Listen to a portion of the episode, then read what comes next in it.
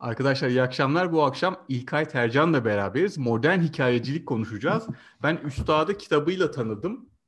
Hikayeci Bilge kitabıyla tanıdım. Sonradan araştırınca fark ettim ki bu kitap sadece buzdağının görünen en tepesiymiş. Arkada büyük bir hazine varmış. Büyük bir yetenek varmış. Ben kendisini konuk etmek istedim. Sağ olsun bizi kırmadı. Yoğun temposunda araya aldı. Üstadım hoş geldiniz. Hoş bulduk. Teşekkür ediyorum. Hoş bulduk. Hoş bulduk. Çok sağ olun. Ben teşekkür ederim. Sizi tanımayanlar için kısaca kendinizden söz eder misiniz? Tabii. Ben dünyalıyım. Adım İlkay Tercan. Çok Karadeniz Teknik Üniversitesi İşletme Fakültesi mezunuyum.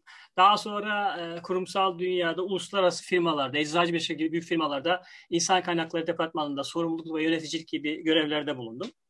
E, ondan sonra oradan ayrılayınca kendi firmamı kurdum. E, sonra da eğitimlere başladım. Eğitim ve sanatla uğraşıyorum aslında. Çocukluktan beri iki hayalim var. Eğitim ve sanat. İş dünyasında çalıştığım zamanlarda da hep eğitim ve sanatın içindeydim. Hiç onları bırakmadım. Günlük üç saat uyudum ama o kalan saatlerinde hep eğitim ve sanat çalıştırdım. Bu yönde kendimi geliştirdim. Daha sonra da iki tane de kitap yazdım. Bu aşamalara kadar geldik Allah'a şükür. Çok iyi yapmışsınız, çok iyi yapmışsınız. En temelden başlayalım istiyorum. Hikayecilik nedir diye sorayım. Ben sohbete oradan bir giriş yapalım. Tamam, hikayecilik nedir? Bir örnekle açıklamak istiyorum. Şimdi size şöyle bir şey desem.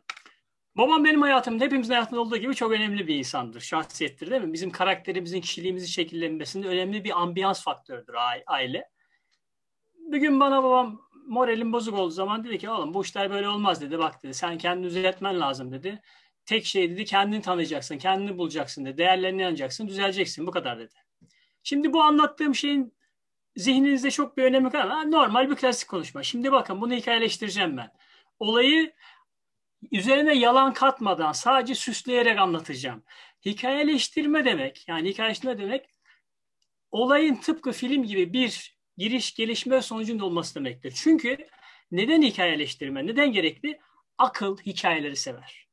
Bizim aklımız buna göre yaratılmış. Bütün kutsal kitaplara bakın. Kutsal kitapların hepsinde hikaye anlatır ve biz onları çok severiz. Yani bizim kitabımızda da vardır. Yusuf ile Züleyha'nın hikayesi. Hatta yaratıcı der ki çok güzel kalbe dokunan bir hikayedir der. Yani ona benzer bir şey söyler. Çok güzel bir hikayedir der. Şimdi şöyle anlatsaydım ben size. Hepimizin hayatta hayal kırıklıkları vardır. Benim de oldu. Üniversitede okuduğum yıllarda çok moralim bozuldu. Canım sıkıldı. Depresyona girdiğim bir zaman oldu. Bir sürü hayallerim vardı. Büyük bir vizyonum vardı ama hepsini bıraktım. Derslere bile asmaya başladım. Aslıp gitmemeye başladım. O heyecanlı, o enerjik adamın hayalleri suya düşmüştü. Odama kapanıyordum. Hiçbir yere çıkmıyordum. İnsanlarla konuşmuyordum. Bugün babam yanına geldi. Elinde böyle bir zarf vardı. Dedi ki oğlum bak seni anlıyorum dedi. Yere düşmüşsün ama önemli olan yere düşmek değildir. Oradan hızlıca kalkmak dedi. Bu zarfın içinde ne olduğunu biliyor musun dedi. Bu zarf seni hayatın boyunca her şeyden koruyacak sana zenginliği, mutluluğu aşılayacak içinde de kadim bir bilgi var dedi.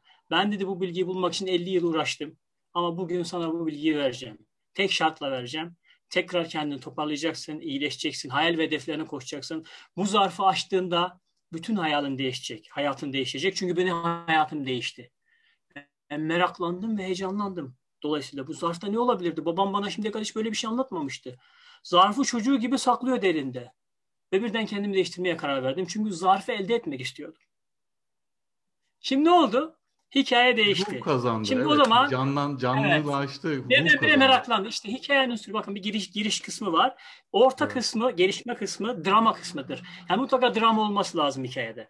Drama ne demektir? Yani drama dediğiniz şey yani belirsizlikler, belirsizlikleri süsleyip çeşitlendirirsem, beklenti oluşturursam buna drama diyoruz. Ben Ortada belirsizlik olacak merak uyandıracaksın onu, onu süsleyeceksin, çeşitlendireceksin, bir beklenti oluşturacaksın. Ben şimdi başta hep ne yaptım? Beklenti oluşturdum. Acaba zarfta ne var? Artı merak oluşturdum.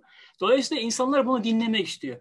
Yani insanların sürekli meraklanmasını, merakını hep yüksekte tutarsam bu modern hikayecilik dediğimiz film gibi olmuş başından geçmiş kendi hikayeni insanlara hikayenin tarzıyla anlatmaktır. Film de bunu yapar zaten bize. Evet, müsaadenizle ben de bir cümle eklemek işte, istiyorum burada. Ben danışanlarıma hep şöyle anlatıyorum. Ne yaparsanız bir hikayesi olsun. Yani Çok yaptığınız güzel. işin bir hikayesi olsun. Ayrıca da O işin içine de hikayeler katın. Hani hem işin hikayesi olsun hem de işin içinde hikayeler olsun. Müşteriyle bağ kurmak, daha kolay satış yapmak, daha kolay akılda kalmak için. Tam bunları konuşurken işin en ustasını bulduk işte. Ustasını Eyvallah. Bulmuşken, izleyicilerden de soru topladık. değil, kendi çapımızda ilgileniyoruz yani. Estağfurullah. İzleyicilerden de soru topladık, zevkle dinliyoruz. Peki birazcık bahsettiniz ama böyle netleştirmek için hikayecilik evet, neden gerekli? Benim anlattığım gibi e, öğrencilerime, danışanlarıma hikayecilik neden gerekli diye sorayım size. Hikayecilik neden gerekli? Şimdi bizim bir projemiz var, hayalimiz var, bir fikrimiz var. Anlatmak istediğimiz bir derdimiz var. Bu derdimizi insanlara anlatabilmek için onların duygularına hitap etmemiz lazım. Çünkü duygular gerçek öğrenme mekanizması ve sistemidir. Onların duygularına hitap etmem için insan beyni hikayelerle anlıyor. Yapılan araştırmalarda insan beyni elektrotlar bağlanıyor. Hikaye dinlerken yaşıyormuşçasına hareketlenme görülüyor beyinde. Ve hikayeleri dinlediği vakit beyinde yeni nöral ağlar oluşuyor. Nöral ağlar oluşuyor ve hikaye dinlemek, hikayeler üzerine düşünmek bizi aynı zamanda daha zeki ve akıllı da yapıyor. Dolayısıyla ben insana neden hikaye anlatmam lazım? Fikrimi, görüşümü, e, düşüncemi anlatmam için hikayeleştirmem lazım. O zaman insanlar daha kolay anlıyor, duygusal bağ kuruyor. Benimle bir ilişki kuruyor. Diyor ki bak bu yapmış bu kahramansa ben de bunu yaptığını bilinçaltı düzeyde ben de bunu yapabilirim diyor. Benimle arasında bir duygusal bağ kurarsa olay bitmiştir. Hani reklamlarda görürüz o yapılan ürünün e, faydası nedir onunla ilgili hiç reklam yoktur. Güzel bir kadın, güzel bir erkek vardır. Buluşurlar, ederler, mutlu olurlar. Yani derler ki bu ürünü kullanırsan sen de böyle olacaksın. Sana bir hikaye satarlar, ürün satmazlar. Şimdi onun için zaten pazarlamacılar taktiktir. Yani bu pazarlamanın üstadlarından Seth Godin var bilirsiniz. Morine'nin evet, yazarı. Evet. Onun bütün pazarlamacılar yalancıdır adlı bir kitabı var. Orada diyor ki pazarlama pazarlamacıların tüketicilere anlattığı bir hikayedir. Çünkü biz insanoğlu evreni, dünyayı hikayelerle anlamlandırırız ve anlarız. İnsan beyni bir anlam arar. Hikayeler o anlamı ona vermenin en iyi yöntemidir. O anlamı hikayeler yapar. Orada hikayede kendini bulur. Hikaye anladıysa ona bir ayna tutar. O aynada kendini görür, kendinden bir parçalar görür, ders alır ve o hikayeden sonra değişmek ister. İnsanoğlu bir değişmek ister, hep bir adım üstte gitmek ister. Onun umutlarına gerçekleştiren birini görmek ister ki kendini orada hayal eder. Onunla kendini özdeşleştirir. Onun için hikayenin olmazsa olmaz unsurları. Bir dediğimiz gibi merak etmesini sağla. Benim zihinsel, duygusal, ruhsal, estetik, estetiksel ve sanatsal açısından merak etmemi sağla. Heyecanlanmamı sağla. Sır meraklandırabilmektir. Evet, Bunu insana tam, verirsen Tam olay... geldi müsaadenizle sorayım. Peki Tabii. şöyle söyleyeyim o zaman. İşimize, gücümüze nasıl bir hikaye ekleyebiliriz? Hikaye Şimdi o işte ne olur? önemli soru burada. Çok güzel evet. bir soru. Hikaye eklemezsek Çok... ne olur? Evet. Ustasına Şöyle soralım. eklemezsek bir kere o zaman hayal ve hedefimize ulaşamayız. Sıradan oluruz. Çünkü bir zaman isteğimizi, bir projemiz var bunu anlatamayacağız. Hayalimiz var anlatamayacağız. Veya sosyal olarak kendi yolculuğumuzu anlatıp insanlara ilham ve motivasyon vermek istiyoruz. İnsanlara enerji, güç, odaklama, motivasyon, ilham, istek oluşturmak istiyoruz. İnsanların gelişmesini istiyoruz. Benim yaptığım başarıları veya tecrübeleri insanların da bilmesini istiyorum. E bunu kuru kuruya anlatırsam insanlar anlamayacak. O zaman hikayeleştirmem lazım. Ürünümü satmak istiyorsam da hikayeleştirmem lazım. Kendimi ifade etmek de e, etmek istiyorsam da hikayeleştirmem lazım. Aslında kendini ifade etmek eşittir hikayeleştirmek diyebiliriz. Her alanda biz zaten hep her zaman hikayeleştiriyoruz ama hikayeyi kendi özümüzde, kendi içimizde bulursak ki bu biraz zordur. Sorular sormamız, geçmişime dönmemiz lazım. O zaman o hikaye tadından inmez. Yani e, pazarlamacılar ne yaptı? Ne yapar? İnsanların duymak istediği hikayeleri onlar anlatır. Hikayenin yani bir hikayenin e, geçerli olabilmesi için, işe yarayabilmesi için hikayemize yürekten bağlanmamız lazım. Ona inanmamız lazım. Çünkü yine sahne sanatlarında bir kural vardır. İnanmazsan inandıramazsın. Başkalarının bize ne kadar ne kadar inanacağını gösteren ölçüt bizim onlara ne kadar inandığımızdır. Hikayemize yürekten bağlanırsak, inanırsak insanlar da inanacak, duygusal bağ kuracak, bizi destekleyecekler. Bizim geçtiğimiz yollardan onlar da geçmek isteyecekler. Oradaki niyetimiz neyse, ürün satmaksa ürün satmak, kendimizi tanıtmaksa kendimizi tanıtmak, sosyal bir proje ise, insanları geliştirmekse onun yoluna insanları daha kolay geleceklerdir. Zaten Mehmetciğim şuna bakarsak, eğitimin tanımına gittiğimiz zaman eğitim insanlarda bir merak ve ilgi oluşturarak bir kapı açmak insanların girmesi sağlamaktır. Evet. Aynı aslında hikayeleştirerek de merak ve ilgi oluştur. Bir kapı aç, insanlar gelsin derdini anlat, kendini ifade et. Bir bakış açısı oluştur. Katılıyorum. Katılıyorum. Ben sizi kitabınızla tanıdım. Hikayeci Bilge ile tanıdım. Ondan sonra YouTube kanalınıza ve diğer yaptığınız işlere ulaştım. Biraz kitabın hikayesini anlatır mısınız? Bana evet, kitap... yayından önce anlatmıştınız. Burada da bir arkasında bir evet. gösteri olacak. Yani şu an pandemiden evet, dolayı evet. olmadı. Oraları biraz açar mısınız? Tabii tabii. O çok ilginç bir hikayesi var. Benim Hı. hayatımın projesi diyebilirim aslında. Buna Süper. bir sürü projeler yaptım sanat hayatım boyunca. Şöyle ben İSMEK'te e, bir kurumsal firmada insan kaynakları yöneticiliği yaparken yine her zaman sanat ve eğitimden de uzak kalmamak için sürekli kendimi fresh, taze tutabilmek için İSMEK'te hafıza geliştirme ve öğrenme öğrenme eğitimleri veriyorum. Çok güzel. Yani her dersten önce hikaye dinlemeyi ve anlatmayı çocukluktan beri çok seviyorum. Hatta hikaye arşivim var yani. Binlerce, yüzlerce hikaye kitabım vardır. Okurum, anlatırım, araştırırım. Yeni hikayeler buldukça onlara yorum yaparım. Böyle bir ilgim, merakım var zaten. Ee, öğrencilerim hep ders, ikinci dersten önce hikaye anlatırdım. Ben anlatmayı unutursam da hocam hikayesiz olur mu derlerdi. Bazen iki tane anlatırdım. Ve hikayelerin içinde de biraz sanat katıp olayı görselleştirip yani sanatı metafor olarak görselleştirip kalbe dokunmasını sağlardım. Amacım Süper. kalbe dokunmak. Çok etkilenirlerdi. Bir gün birisi dedi ki hocam ya dedi. Bununla, o zamanlar YouTube kanalı falan ya böyle ilgilenmiyorum. Bunları YouTube'a koysanız da arasında dinlesek ya hocam dedi. Düşündüm ya bu. Dedim ki bunlar demek ki ilgi çekiyor. Dinlenilecek şeyler. Bir hafıza etmeni ve sanatçı olarak daha büyük düşündüm. Dedim ki bunun bir kitabını yazayım. Kitaptaki hikayeleri de birer e, sanat ekleyeyim içine. Sonra sahneye çıkayım, gösterisini hazırlayayım. Gösteri ve kitap aynı anda çıksın dedim. Çalışmaya başladım. Hem kitap yazıyorum hem de hikayelere metaforlar buluyorum. Sihirli metaforlar. Yani hikayeyi güçlendirecek, kalbe dokunmasını sağlayacak, insanların unutmaması sağlayacak e, metaforlar bulmaya başladım. Bir yıl falan uğraştım tabii böyle. E, yetiştiremedim. Sonra tam bitirdim. Kitap çıkacak, pandemi çıktı. Dedim ki dur pandemi bitsin. Yayın eviyle görüştüm. Bak kitap sende kalsın dedim. Pandemi için çıkarız. Zannediyoruz ki pandemi 3 ay 4 ay sonra biter. Tabii bitmedi. Dedim ki yayın evden son 2 ay önce. Ya bunun biteceği yok. Biz kitabı çıkaralım. Gösterisi kalsın ne yapalım sonra yaparız. Ben tabii kafaya koydum şunu. Aynı sizin yaptığınız gibi şimdi evi böyle ben stüdyo yaptım burayı. Şu an teknolojiye Süper. yatırım yapıyorum. İşte Çok 4K güzel. kameralar alıyorum, mikrofonlar vesaire. Çok Onu kafaya güzel. koydum. Onu da dijitale aktarıp Zoom üzerinde yapacağım.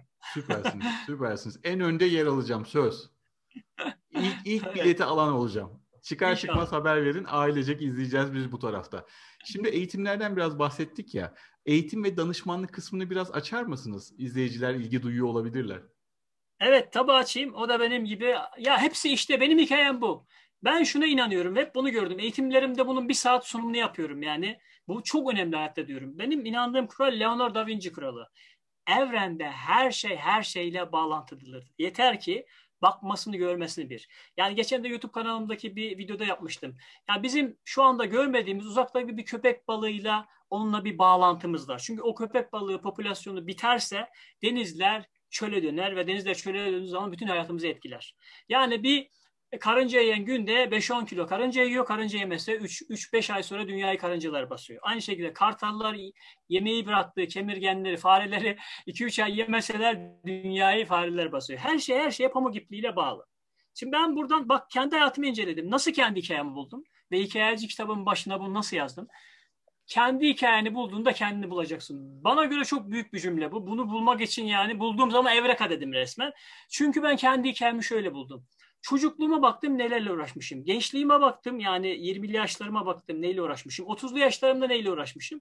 Ve nihayet 40'a doğru gelirken neye uğraştığıma baktım. Aslında bulmacanın parçaları burada burada burada baktım. Hepsi aynı yere düşüyor. Her şey her şeyle bağlantılı. Yani hepsi benim hikayem aslında bir yere gidiyor. Eğitim aynı, sanat aynı, tanımları bile aynı ya. Eğitimin tanımı aynı, sanatın tanımı aynı. Çok şaşırdım. Dedim ki ya benim hikayem dedim, demek ki bunların içinde.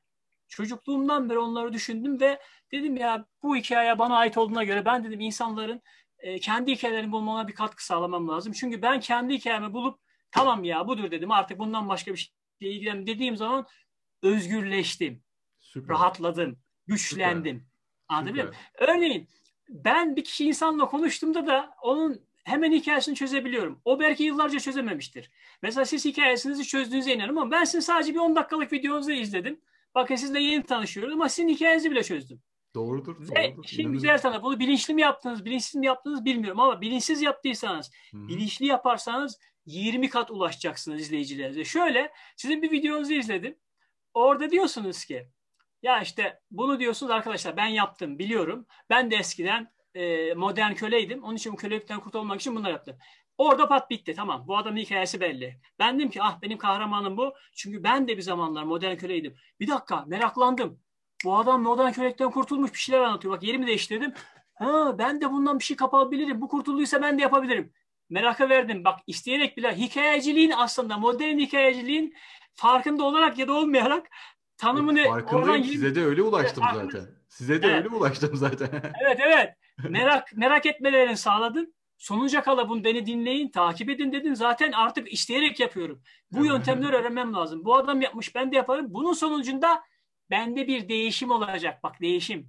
Eğitimde de hani eğitim amacı da bir değişim, kalıcı bir değişimdir ya. Evet. Değişim evet. olacak. Hikaye anlatıcının amacıyla eğitimin amacı aynı. Değişim Evet. yaratmak. Değişim oluşturmak. Kalıcı Evet. bir değişim. İster YouTube olsun, ister eğitim olsun, ister sanat olsun dediğiniz gibi kalbe dokunmadan, o hikayeyi anlatmadan, kalbe bir kapı açmadan olmuyor. Ben de bu Olmuyor. konuda çok nacizane kendim için çalışıyorum. Öğretmek anlamında değil ama size de öyle ulaştım zaten videolarınızda, e, kitabınızda. Yani çok hayran kaldım çok açık söylemek gerekirse. Bundan sonra çok yakından takip ediyorum. Dediğim gibi gösteride de en önde olacağım. Peki ben eğitimle alakalı bir soru daha sorayım. Dikkatimi çekmişti Tabii. çünkü. E, hafıza eğitimi, mesela İngilizce kelimeleri ezberleme eğitiminiz var. Evet. Çok güzel Evet. gözüküyor mesela. Hep problemdir ya. İngilizce'de kelime öğrenmeye çalışırız, zor öğreniriz. Grameri biliriz, kelimeyi Evet. bulamayız. Onu biraz açalım mı? Çok ilgisini Tabii çekebilir. açalım. Şimdi zaten siz girişimci olarak daha iyi bilirsiniz.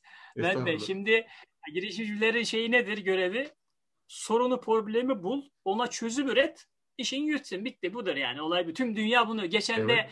Eren Balı'yı izledin. Udemy ve e, Carbon Health'ın kurucusu. O da aynısını söylüyor. Yani aslında basit bir, bir yerde sorun görüyorum. Sonra o sorunu nasıl çözebilirim diye düşünüyorum. Ben çözemezsem bunu çözebilecek danışmanları yanıma çağırıyorum, konuşuyorum. Carbon Health öyle oldu diyor. Ben bunu çözüp böyle bir şey yapacağım dediğim zaman diyor, böyle çözeceğim dediğim zaman diyor, hemen bana diyor 150 milyon dolar verdiler diyor. Şimdi ben de buradan yola çıktım. Yine aynı benim küçüklükteki hikayem aslında. Ben ilkokul e, ilkokulu bitirdim. 5. ortaokula başladım.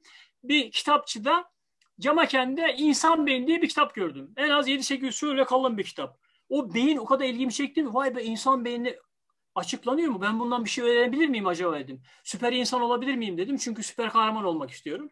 Ama kitap 20 lira. Benim günlük açlığım 1,5 lira. 50 kuruşunu otobüse veriyorum gelirken 50 kuruşunu giderken veriyorum 50 kuruş da gazoz simit.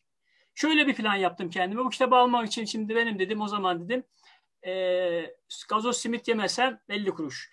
Giderken de köyden gidip geliyorum. Köye dedim yürüyerek gideyim ben dedim. Orma, ırmak var ayaklarımı geri e, çıkarırım yürürüm öyle giderim dedim.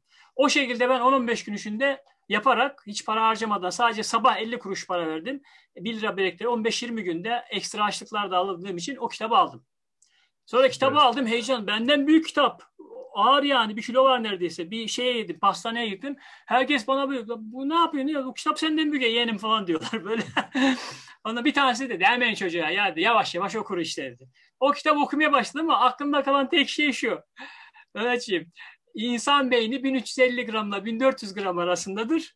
E bunun ama beynin büyüklüğünün, küçüklüğünün, zeka ile akılla ilgisi yoktur. Geri zaten tıbbi bir kitapmış yani ama o bende büyük bir izlenim. Ondan sonra hep beynin peşine düştüm ben. Beynin peşine düştüm çünkü bu problem ben de hafızamın çok güçlü olmasını istedim. Ee, önce kendim için öğrendim. Hafıza teknikleri nedir ne değildir. Çok ilgimi çekti benim. Öğrenmek hep lisedeyken düşün ya şu dersleri eğlenceli bir hale nasıl getirsem kolay öğrenmenin bir yöntemi yok mu diye hep düşünüyordum. Kendi kendime de birkaç teknik bulmuşum zaten. Sonra sistem Türkiye'ye gelince Ondan sonra e, biraz da İngilizce öğrendikten sonra hemen kitapları okumaya, setleri almaya, bulabildiğim bütün eğitimleri, Türkiye'de olabilen bütün kitapları aldım. 3-4 defa okudum, ezberledim. Ne kadar eğitim varsa hepsine gittim. Yurt dışındaki eğitimleri aldım falan. Ben bunu yapmaya başladım. Örneğin bir anlatmaya 100 tane fıkrayı peş peşe anlatıyordum artık. İstediğim Evet. şeyleri ezberliyordum. Ee, bir yerde bir denedim. Mesela tarihteki hazır cevaplar vardır. Çok severim ben de. Eminim siz de seviyorsunuzdur. Onlardan mesela okudum 150-200 tane. Hoşuma gidenlerden 70-80 tane ezberledim. İnsanlara anlatıyorum böyle 2-3 saat sürüyor. Hani hazır cevap bir stand-up'a dönüşüyor. Dediler ki ya sen bunları böyle ezberliyorsun, anlatıyorsun. Nasıl yapıyorsun ya? Bu özel bir beynin mi var yoksa? Yok dedim. Bu dedim, bir yöntem.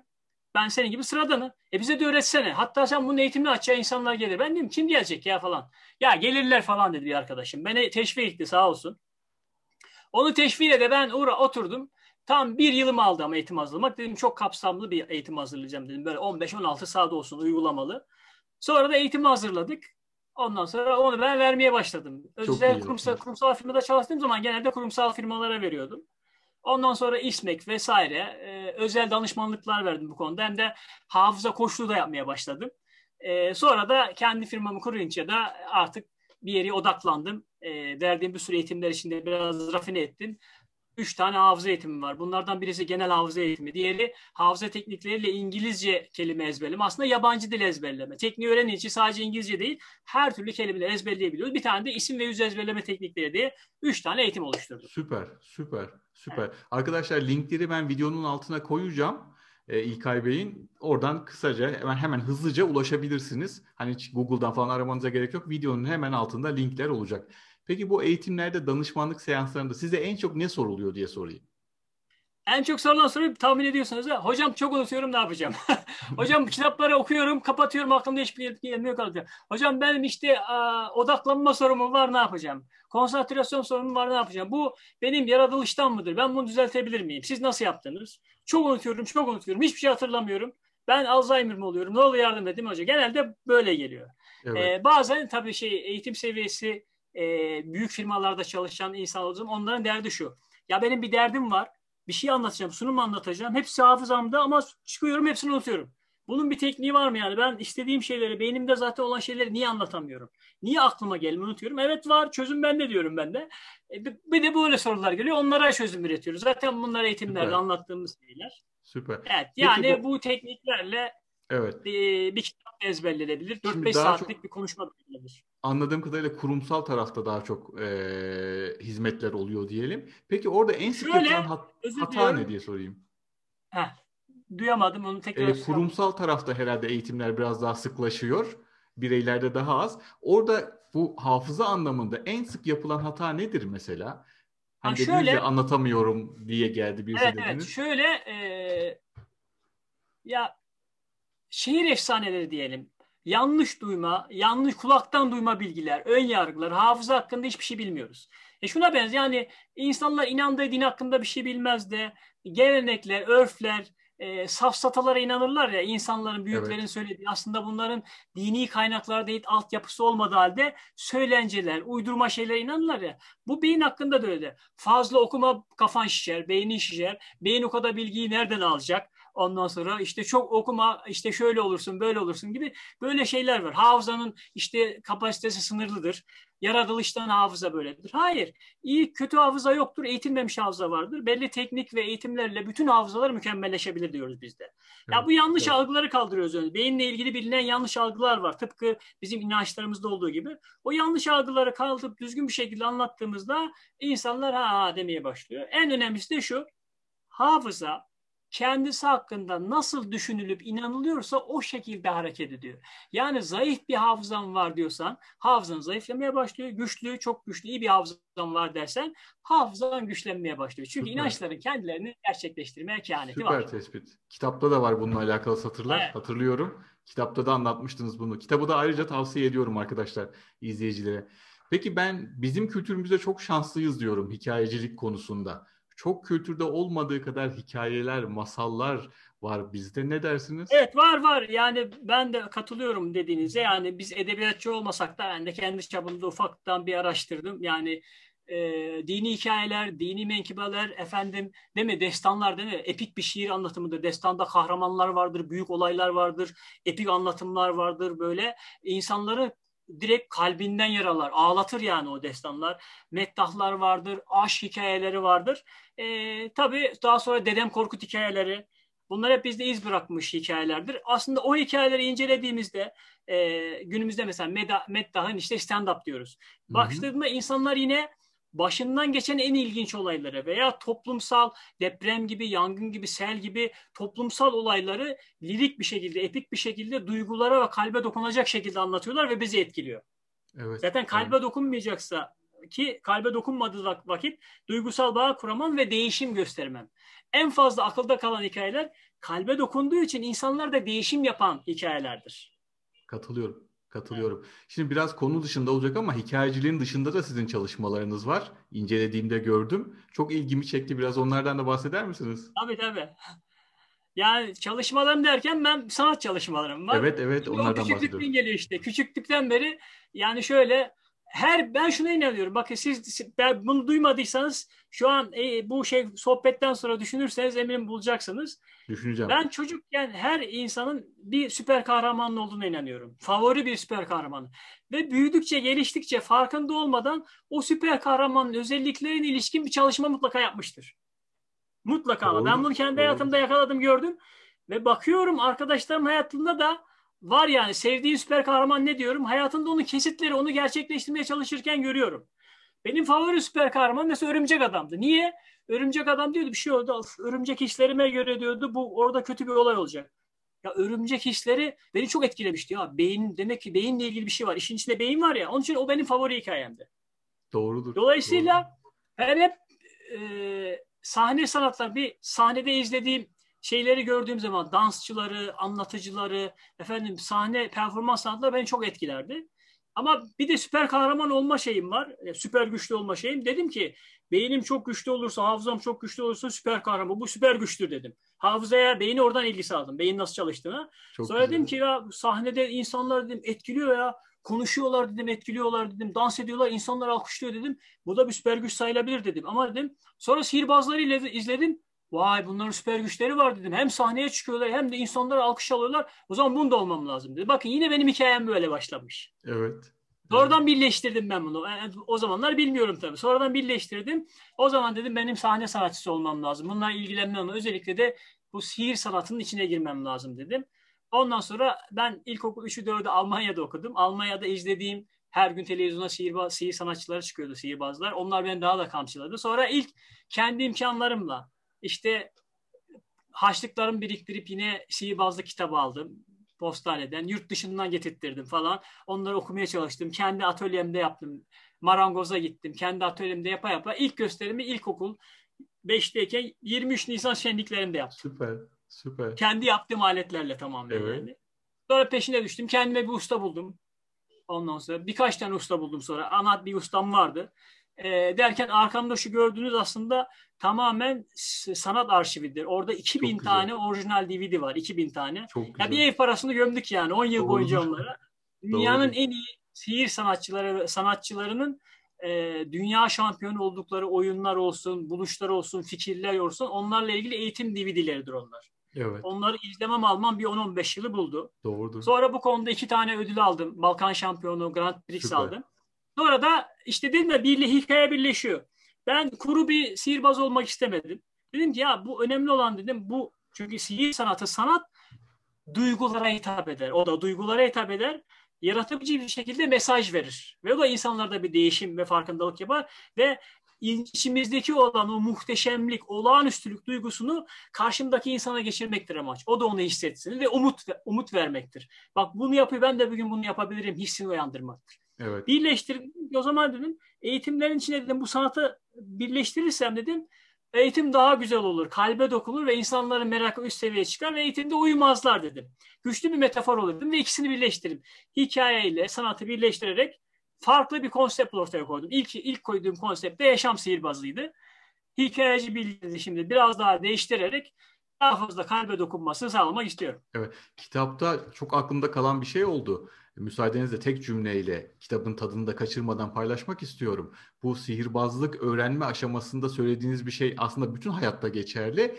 Yukarı çıktıkça ustaların egosu e, Evet, nasıl diyelim şeyi çok daha azalıyor. Aşağıda kalfalarda ise böyle bir kendini Kalfalarda büyük görme, egolar. evet bir e- ego var. Hani bu inanılmaz doğru bence. İş hayatında da böyle, hayatta da böyle. Yukarıya doğru çıkınca Evet, daha bir yumuşuyor, bir daha bir olumlu şeyler oluyor diye ben de çok aklımda kaldı. Hayatımda Evet, defalarca doğru. Ben onu e, ben bir de uzak doğu sporlarıyla da uğraştım Mehmetciğim.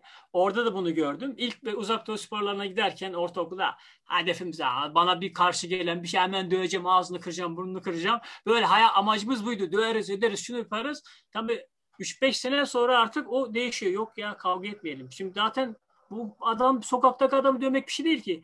Ben evet. haftada 20 bin yum, yumruk tekme atıyorum. Pestilim çıkıyor. Evet. Ya artık bir adama vurduğumda ikinci vurmama gerek kalmayacak seviyede. Sokaktaki adam yumruğu vursa gülüyorsun. Yani suratına bir şey yapmıyor. Yumruk atmasını bilmiyor çünkü. Diyorsun ki bu sefer kuşak belde değildir beyindedir kuralı geri. Ya evet. bu adamı ben kavga etmeden nasıl yumuşatabilirim? Evet. Başarı budur diyorsunuz ama. Evet. Bir de Esas kuşak olan budur diyor. büyüdükçe sen küçülüyorsun var ya. Evet. Kuşak büyüdükçe sen küçülmeye başlıyorsun. Evet, evet. Evet, o da En büyük ustalar en alçak gönüllü insanlardır. Sanat hayatında da böyle. Ben bunu yurt dışındaki yarışmaların hepsinde o kitapta da yazdığım gibi çok şahit oldum, gördüm her yerde. Ben de yani. defalarca kez Benim şahit oldum. Kitapta en çok aklımda kalan cümlelerden de biri oldu. Müthiş evet. tespit. Şimdi arkada çok sayıda Rubik küp görüyorum ben. Biliyorum sizin evet. isminiz Rubik Akademi onu biliyorum da özel bir ilgi var mı Rubik küplerine? Var Rubik küpe benim özel şöyle bir ilgim var. Benim e, şey arayışındaydım ben. Yeni bir konsept kendi dalımda, sihir sanat dalında e, yeni bir şey çalışmak istedim. O sırada dünyada kübik illüzyonları vardı. E, birkaç tane alan belirledim kendime. Sonra dedim ki ya dedim, Rubik küple yine çocukluktan beri ilk Almanya'da tanışmıştım. Tek yüzünü evet. yapabiliyordum ben. Evet. Bununla ilgili de baktım Rubik küple ilgili birçok metafor bulabilirim ya dedim ben evet. eğitimlerimde dedim. Çünkü Rubik küp elinize aldığın zaman tanımayan bilmeyen yok. Dünyada herkes biliyor.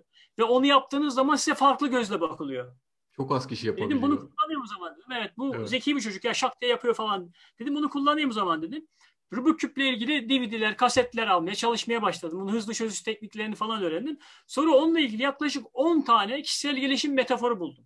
Eğitimlerde, liderlik eğitiminde bile Rubik küpten örnek anlatıyorum mesela. Süper, süper. Ee, süper. Ben şuna benziyordum. Rubik küpü bir hayata benzetiyorum. Ee, neden? Çünkü hayatta bütün renkler var. Örneğin sarı renk bizim işimiz. Yeşil renk sağlığımız. Beyaz renk ailemiz, sevdiklerimiz. Bütün renklerin bir anlamı var. Hayatın amacı bu renkleri renkleri dengede tutmak. Rubik küp karışık halde. Bu karışık haldeki dengeye nasıl getirebiliriz? İşte bununla ilgili. Sen çöz çöz elbet mutlaka, mutlaka bozulacaktır bu. Beyni de benzetebiliriz. Beyin Rubik küpü gibi karışık. Hafıza eğitimi, bin eğitimde de o bu kaşıklığı biz dengeye getirerek onu çözme öğretiyoruz. O Rubik gibi çözme öğretiyoruz. Tekniği bilen daha çabuk çözüyor. Tekniği bilmeyen belki saatlerce karıştırıyor duruyor.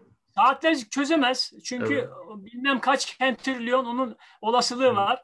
Evet. E, tesadüf eseri çözen ben hiç görmedim. Çözülmez yani. Çözülmez. Ben oğluma 2 çarpı 2 ile çalıştırıyorum. Oğlum 4 yaşında. Ben tabii 3 çarpı 3 ile çalışıyorum. Daha büyüklerini de gördüm. Yani siz de muhakkak görmüşsünüzdür. Ben de biraz çalıştım Rubik küpler üzerine de. Şimdi ufak ufak oğlanı alıştırıyorum ki 2 çarpı 2, 3 çarpı 3'e çıkartayım diye. Çok inanılmaz faydalı. Koordinasyonu evet, geliştiriyor, evet. zekayı geliştiriyor, düşünmeyi, hafızayı nereden başlayacaktım, bundan sonra hangi hamle vardı? Yani dinleyicileri de takip ediyorum.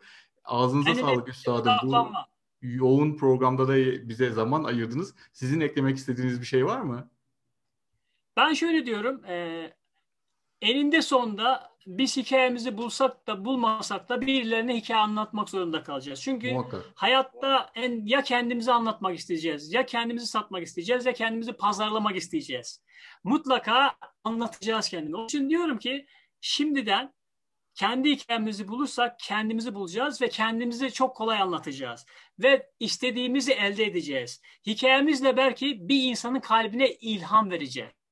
Onun değişmesine vesile olacağız. Onun için hikayeyi bulmak önemli diyorum. Katılıyorum. Son olarak izleyenlerden, ilgi duyanlar size nereden ulaşabilirler? Bana e, LinkedIn'den uğraşabilirler. Instagram'da çok aktifim. Instagram'dan ulaşabilirler. Ve de YouTube kanalımı takip edebilirler. Paylaşımları orada yapıyorum. Evet ben videonun altına linkleri de paylaşacağım. Dediğim gibi ben Üstad'ı kitabıyla tanıdım. İlk kitabını da en kısa sürede alacağım. Ve bu dediğim gibi buzdağının görünen yüzüymüş. Araştırdıkça baktıkça da e, çok dolu dolu olduğunu gördüm ve sıkı takip aldım. Sizleri de takip etmenizi tavsiye ederim. Ayrıca da gösteriyi dört gözle bekliyorum. En önde yer alacağım. Çok teşekkür ederim. Ağzınıza sağlık. Çok teşekkür ediyorum. Çok sağ olun.